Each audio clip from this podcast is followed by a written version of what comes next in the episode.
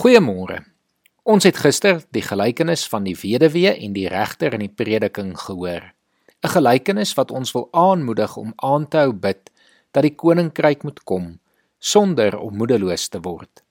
Vanoggend staan ek stil by die Onse Vader wat ook hierdie beginsel sentraal in die gebed plaas.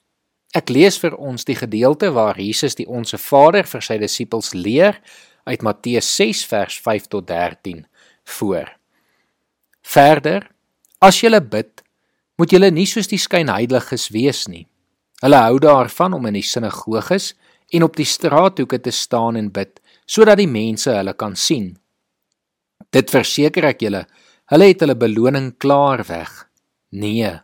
As jy bid, gaan na jou kamer toe, maak die deur toe en bid tot jou Vader wat jy nie kan sien nie.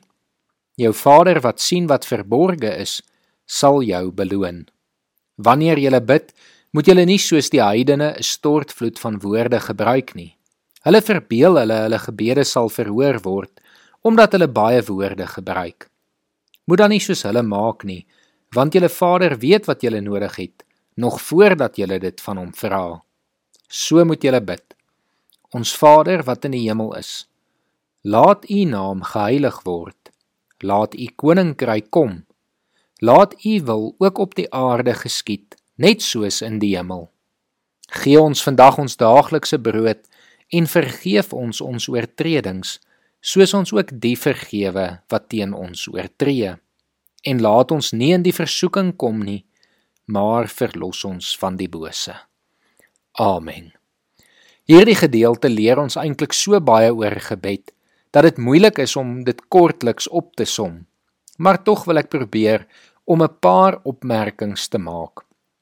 Die Onse Vader gebed is nie bedoel om maar net as 'n rympie opgesê te word nie. Jesus waarsku immers die disippels reg voor hy die gebed vir hulle leer om nie in rympies te bid nie. Die Onse Vader wil wel vir ons belangrike konsepte en elemente van gebed leer, soos byvoorbeeld dat ons altyd moet bid dat God se koninkryk sal kom. En die bedoeling hiervan is nie vir eendag nie. Dit is vir nou.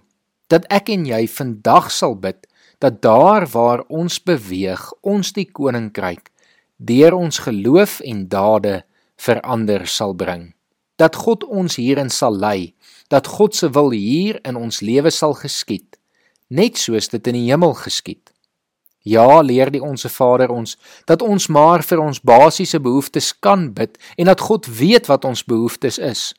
Dat ons onvergifnis moet vra en ook dat ons nie vir die daaglikse versoeking sal val nie. Maar Dit alles is sekondêr tot ons eerste prioriteit. Ons eerste fokus wat is op God om sy naam te heilig, sy wil te soek en vir sy koninkryk te leef. Bid daarom vandag en vra die Here om jou te help om hom te verheerlik, om jou te lei om daar waar jy beweeg, dat hy jou sal gebruik om die koninkryk te bring en dat jy sy naam sal heilig. Kom ons bid saam.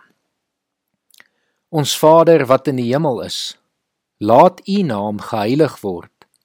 Laat U koninkryk kom. Laat U wil ook op die aarde geskied, net soos in die hemel. Gee ons vandag ons daaglikse brood en vergeef ons ons oortredings, soos ons ook die vergewe wat teen ons oortree. En laat ons nie in die versoeking kom nie, maar verlos ons van die bose. Amen.